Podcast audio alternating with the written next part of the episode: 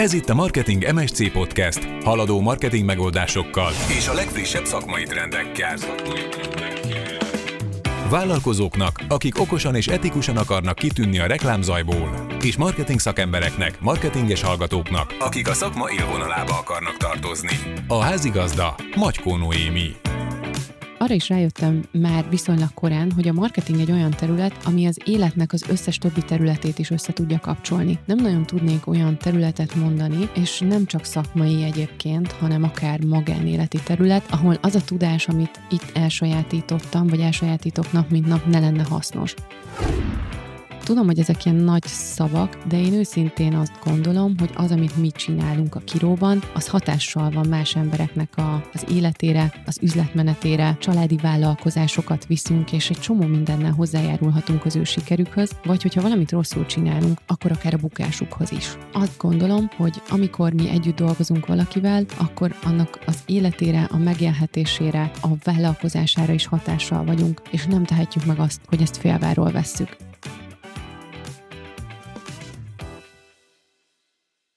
Sziasztok! Ez itt ismét a Marketing MSC, köszöntelek titeket.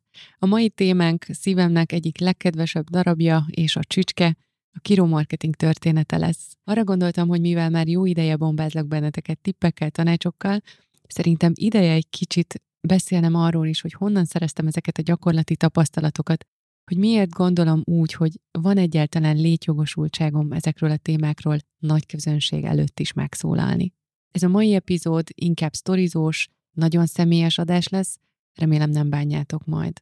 Szóval az első vállalkozásomat hat évesen alapítottam. A szüleim beirattak egy gyöngyfűző tanfolyamra, és az első alkalom után, ami egy ilyen másfél órás gyöngyfűzés volt, hazamentem, és lerajzoltam különféle mintákat, és átmentem házalni a szomszédokhoz, hogy én jövő héttől ezekre a termékekre vállalok megrendelést, fülbevalók, nyakláncok, mindenféle gyöngyből készült ékszerek, és hát mivel ilyen kedves, cofos kislány voltam, elég nagy keletje volt ezeknek a termékeknek, kaptam egy csomó rendelést, és annak rendje és módja szerint fel is vettem rá az előlegeket, meg a teljes összeg kifizetését. Aztán később egy picit bajba kerültem, mert hogy olyan sok megrendelésem lett hirtelen, amit nem tudtam legyártani, úgyhogy a szüleim egy ponton letiltottak erről, hogyha lehet, akkor ne szedjem már el a szomszédok pénzét, úgyhogy nem adok érte cserébe, mert nem annyira illik. Úgyhogy ez egy viszonylag gyorsan hanvába halt vállalkozási ötlet volt, de azért utána a következő fél évben tényleg becsülettel mindenkinek átadtam a megrendelt terméket.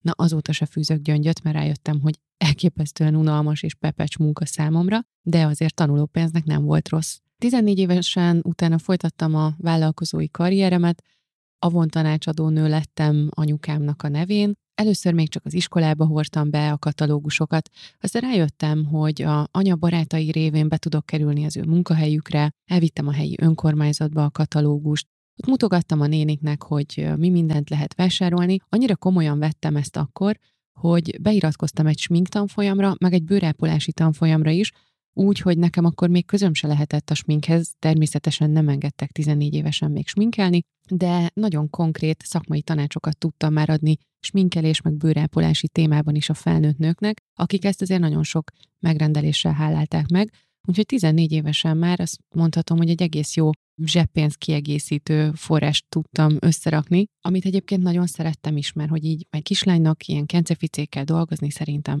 tök kellemes dolog volt. Aztán a következő próbálkozásom a vállalkozással 18 évesen történt, amikor rám bíztak egy üres üzlethelyiséget azzal a feladattal, hogy töltsem meg élettel, meg hát persze üzleti lehetőséggel.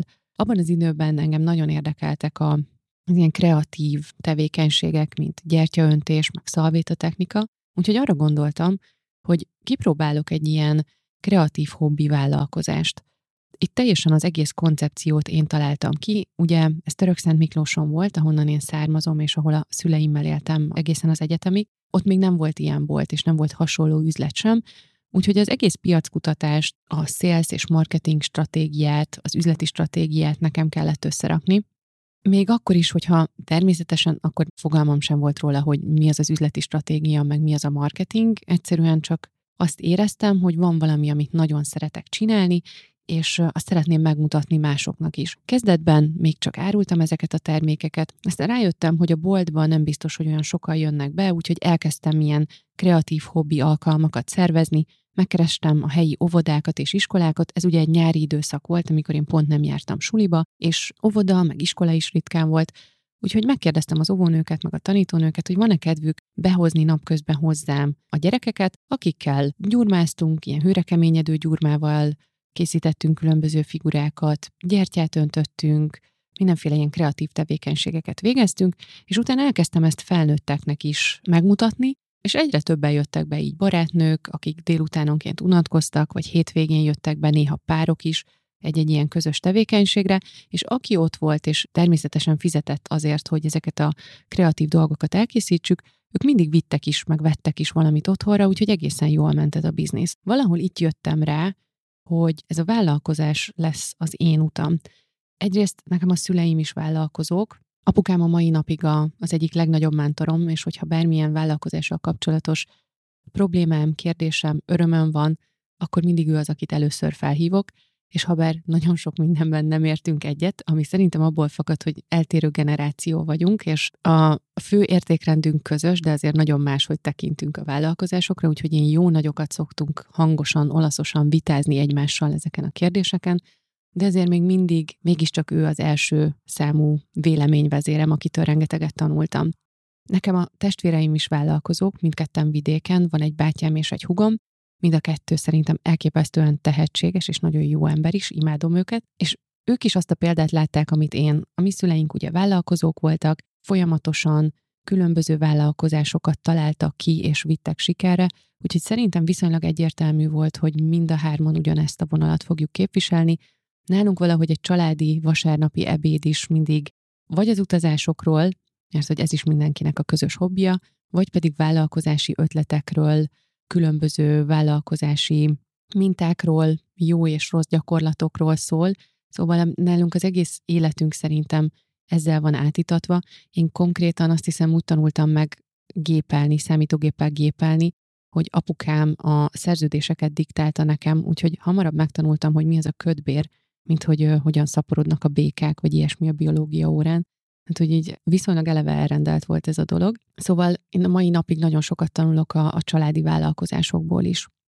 18 éves korom után, amikor vége lett a kreatív hobbiboltnak, azért mert ugye egyetemre kerültem és Budapestre költöztem, akkor először az ELTE bölcsészkarán kezdtem, ahol magyart és kommunikációt tanultam.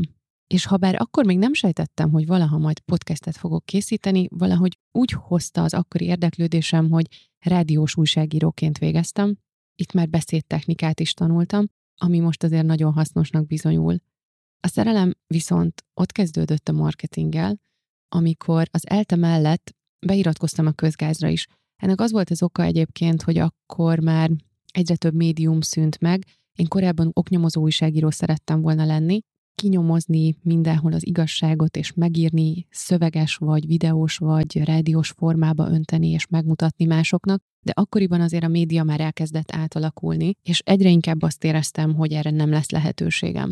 Meg hát kicsit be is pánikoltam azon, hogy bölcsészként majd nem lesz munkám, úgyhogy ezért gondoltam, hogy kettő diplomával két különböző végzettséggel nagyobb esélyem lesz elhelyezkedni. Úgyhogy így kerültem a közgázra, ahol beültem az első marketing órára, és azt hiszem ott megpecsételődött a sorsom. Csillogó szemmel hallgattam a tanárt, ahogy a marketingről beszél, hevesen vert a szívem, kipirult az arcom, és abban a pillanatban éreztem, hogy nekem ez lesz a hivatásom. Egyszerűen biztosan ti is tudjátok azt az érzést, amikor rátaláltok valami nagyon fontosra az életben, amikor azt érzitek, hogy úristen, hát én ezt akarom csinálni, én ebben vagyok jó, én ezt imádnám nap mint nap, és hogy én erről még többet akarok tudni, és hogy azt éreztem, hogy ez egy olyan tevékenység, amiben én nagyon jó tudnék lenni.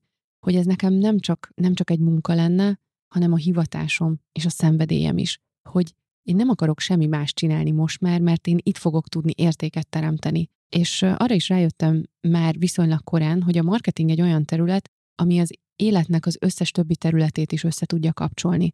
Nem nagyon tudnék olyan területet mondani, és nem csak szakmai egyébként, hanem akár magánéleti terület, ahol az a tudás, amit itt elsajátítottam, vagy elsajátítok nap mint nap, ne lenne hasznos. Ha bármikor karriert kéne váltanom, újra kéne kezdenem egy másik országban, egy másik céggel, egy másik szakmában, azt gondolom, hogy ahhoz is nagyon-nagyon értékes és fontos lenne ez a marketing tudás, amit összeszedtem. Az egyetemek alatt már egyszerre a két egyetemmel mindig volt egy olyan munkám, amiért fizettek, amiből megéltem az egyetemi dolgok mellett, és Emellett elmentem gyakornoknak egy kommunikációs ügynökséghez. Ez volt az első olyan próbálkozásom, ahol már szakmai munkát tudtam végezni. Elképesztően hálás vagyok a mai napig az akkori főnökeimnek.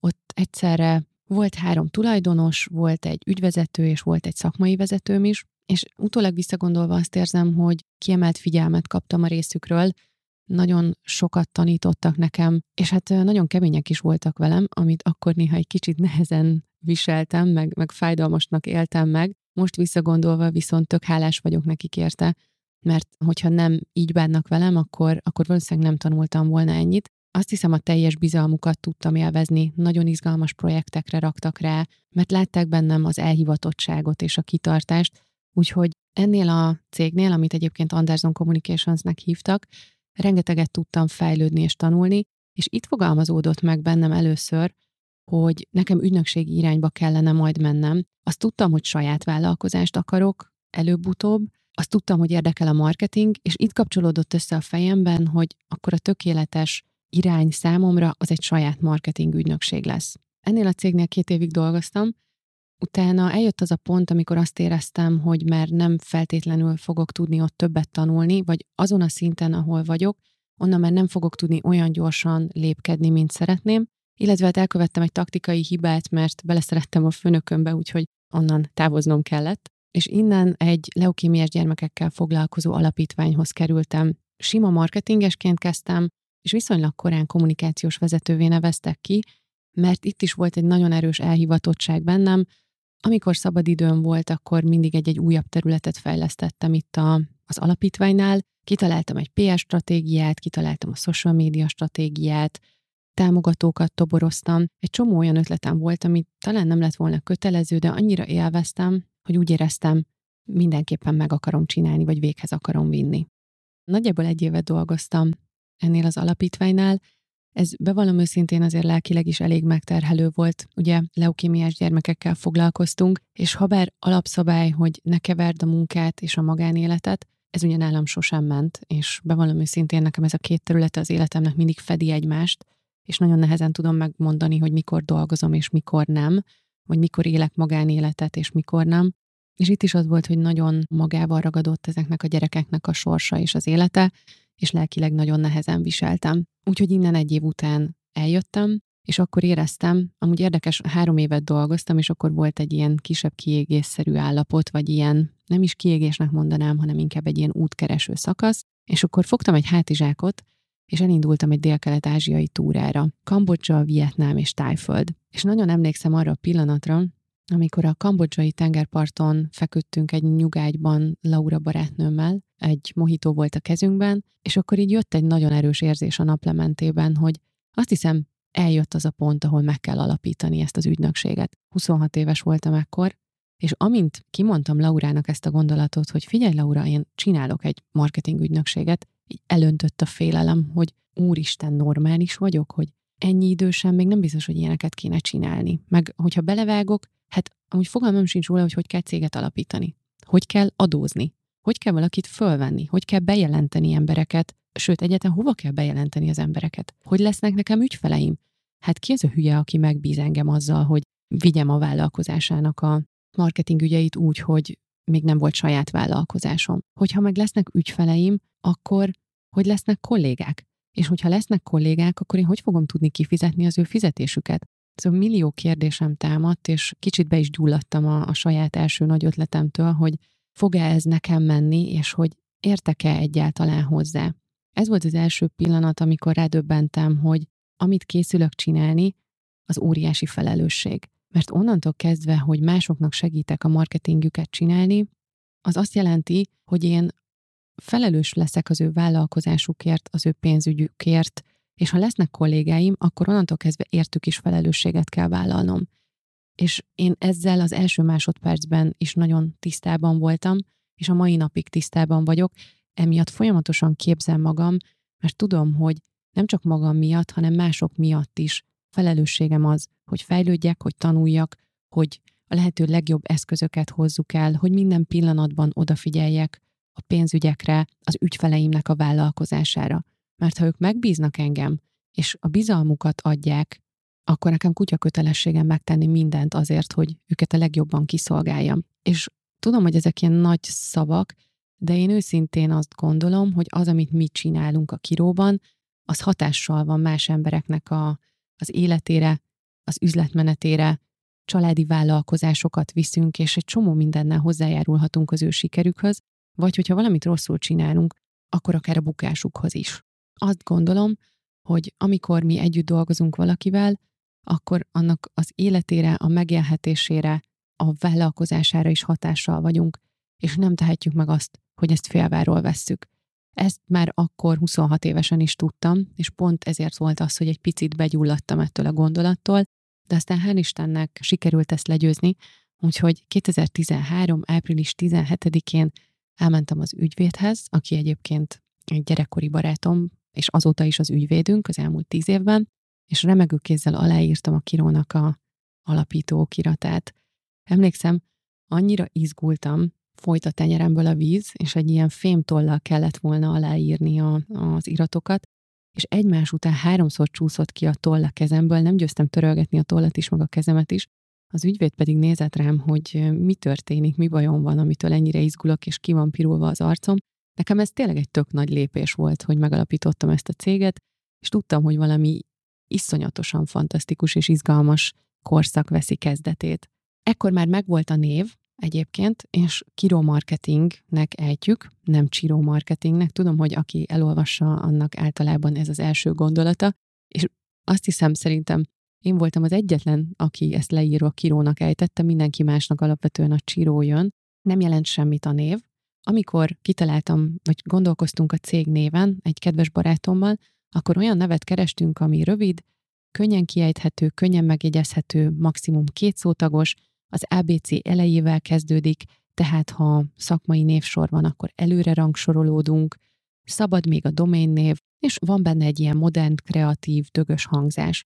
És elkezdtünk szótagokat összepakolni, és mindezt egyébként cseten csináltuk, és akkor a CHIRO az így, így nagyon megragad bennem, annyira, hogy gyorsan le is védettem, megvettem a domain nevet, és amikor pár hónappal később találkoztam ezzel a barátommal személyesen rákérdezett, hogy na és mi újság a Csiróban?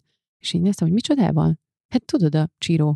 És így leesett, hogy Úristen, hogy ez másoknak valószínűleg Csiró, és csak az én fejemben Kiró. Úgyhogy itt kezdődött meg az a kanosszajárás, amit folytatunk nap mint nap azért, hogy elmondjuk az embereknek, hogy ezt Kirónak kell ejteni.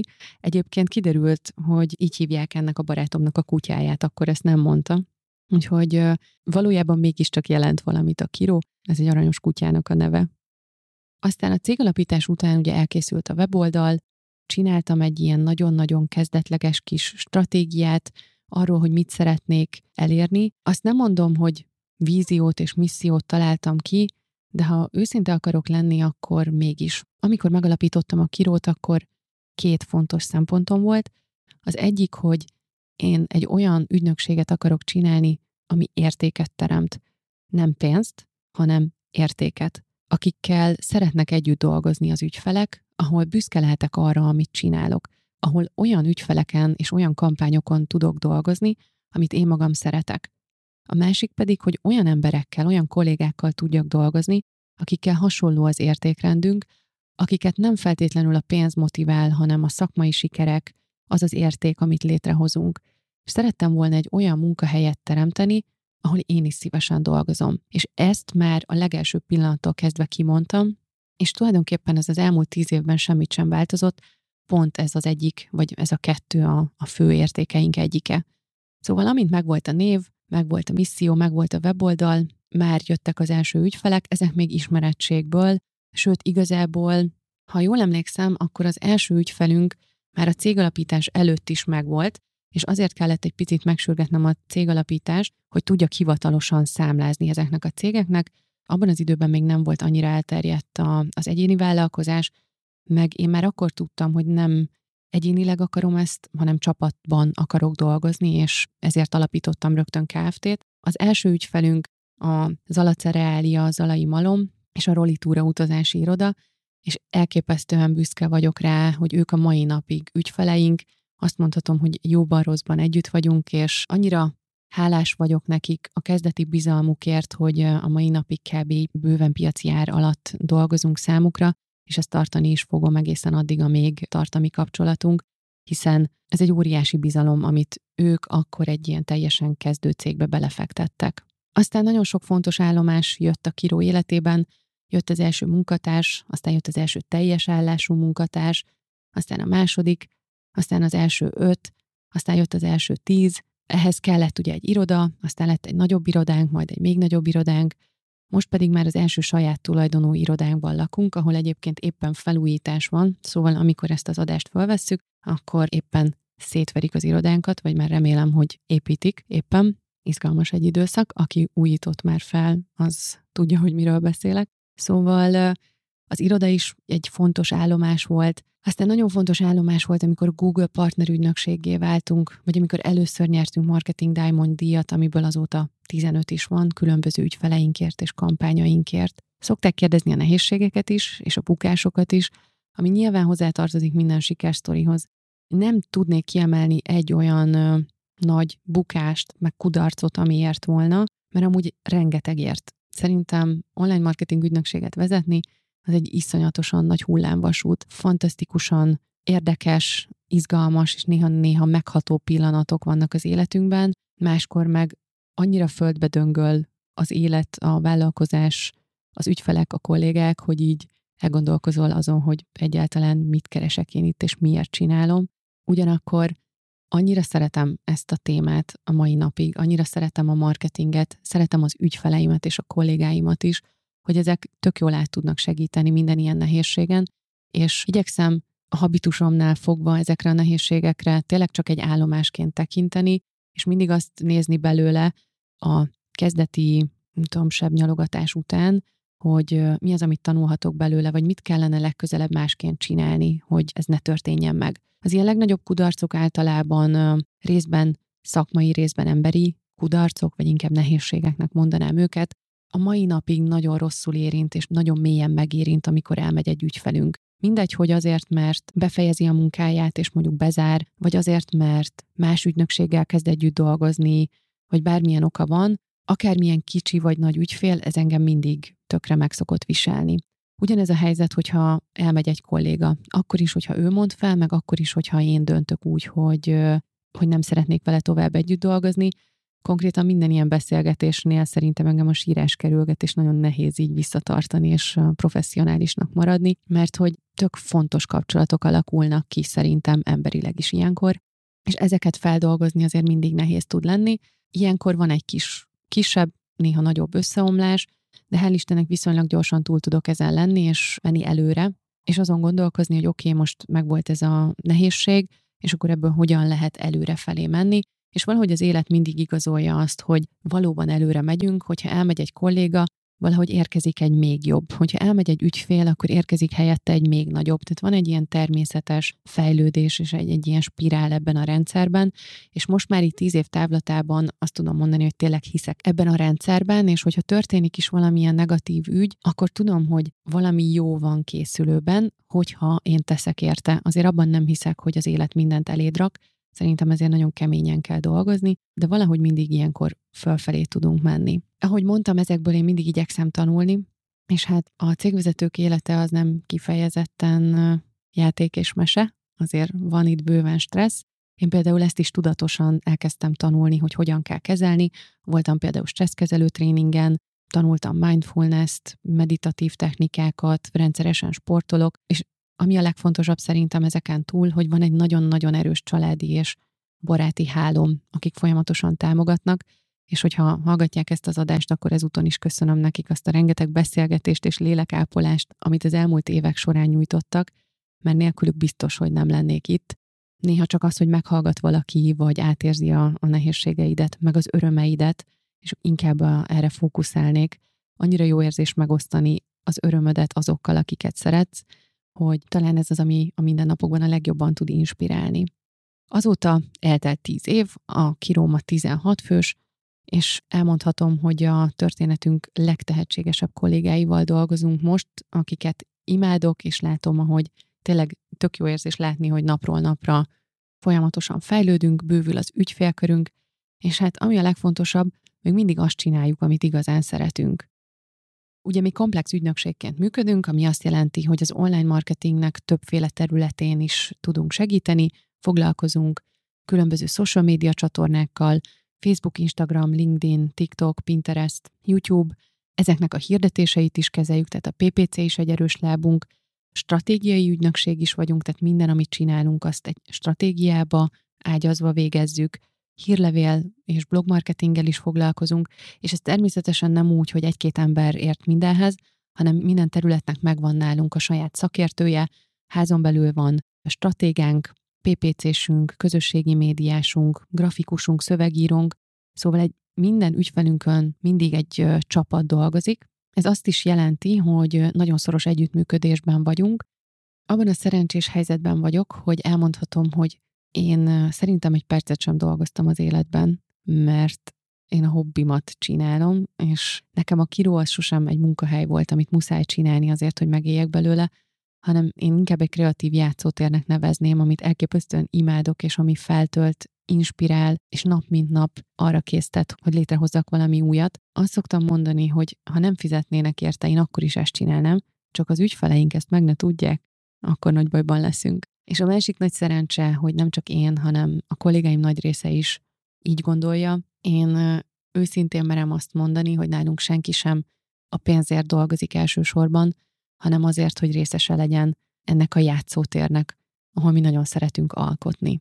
A kiró azt hiszem csak addig fog létezni, amíg mindannyian ugyanezzel a profizmussal és szeretettel tudunk hozzáállni a marketinghez is és az ügyfeleinkhez is. Abban a pillanatban, hogyha ez nem így lesz, ha már nem tudjuk jól csinálni, akkor azt szoktam mondani, hogy akkor inkább ne csináljuk sehogy. Van B-tervem is, nekem az például, hogy növényeket fogok termeszteni, és nyitok valahol egy kertészetet, és természetesen annak a marketingét is én fogom utána csinálni, szóval igazából én azt hiszem, akármit csinálnék mostantól a jövőben, az valahol mindig a marketing felé mutatna vissza. Mert ahogy mondtam, nekem ez a hivatásom, és ez a szerelmem.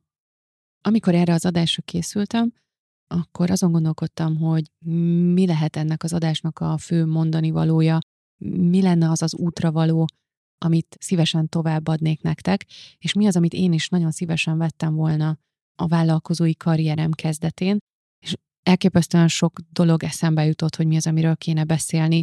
Az egyik mániám az alázat, ugye, a másik a folyamatos tanulás és fejlődés, de mindezek közül kimagaslik talán egy valami, ami azt hiszem elengedhetetlen, és az egyik legfontosabb ahhoz, hogy valaki vállalkozó legyen, és jó vállalkozó legyen. A jót én egyébként nem feltétlenül úgy értem, hogy gazdag, hanem olyan, aki értéket tud előállítani, és még szereti is azt, amit csinál, és ebből pénze is van. Az pedig nálam az önismeret. Soha nem gondoltam, hogy ekkora hatása lesz majd a, az életemben az önismeretnek, de Szerintem minden cégnek a legnagyobb motivátora és a legnagyobb visszafogója is egyébként a cégvezető. Amekkora a képesség a cégvezetőnek, akkor erre tud nőni a cég is. Szóval, hogyha te céged nem annyira prosperál, problémák vannak vele, akkor érdemes egy kicsit magadba nézni, és szerintem tök fontos, hogy a cégvezetők tisztában legyenek a saját erősségükkel, gyengeségeikkel, tudja, hogy mit miért csinál, mit miért érez, mi az, ami kiborítja őt, mi az, ami motiválja őt. Mert hogyha ezekkel tud dolgozni, ha ezeket tudja befolyásolni, fejleszteni, akkor sokkal jobb cégvezetővé tud válni, és ami ennél is fontosabb, sokkal jobb vezetővé fog válni a kollégái számára. Úgyhogy ha egy gondolatot megőriztek a mai adásból, akkor remélem, hogy ez az önfejlesztés lesz, ha bár menet közben kevesebbet beszéltem erről, de azért az én pályámat ez, ez teljesen végigkísérte, mert azt gondolom, hogy nagyon fontos és érdemes ezzel foglalkozni. Ez volt már a Marketing MSC legfrissebb epizódja, a Kiro Marketing őszinte, néhol kicsit szentimentális sztoria, de bízom benne, hogy inspirálónak és érdekesnek találtátok. Ha tetszett ez az adás, akkor kérlek osszátok meg, lájkoljátok, kommenteljetek, küldjetek bármiféle üzenetet nekem, mert ezzel nagyon sokat segítetek abban, hogy tovább tudjuk terjeszteni ezt a podcastet és az etikus marketingnek az eszméjét. Én Magyko Noémi vagyok, köszönöm, hogy meghallgattál. Találkozunk két hét múlva. Ez volt a Marketing MSC Podcast Magyko Noémivel. További epizódokért és tartalmakért iratkozz fel értesítőnkre a www.marketingmsc.hu oldalon. Kövess minket az Apple Podcasten, a Spotify-on és további podcast platformokon. Ha tetszett az adás, oszd meg ismerőseiddel is. Mi pedig hamarosan jövünk egy újabb epizóddal. Mi pedig hamarosan jövünk egy újabb epizóddal.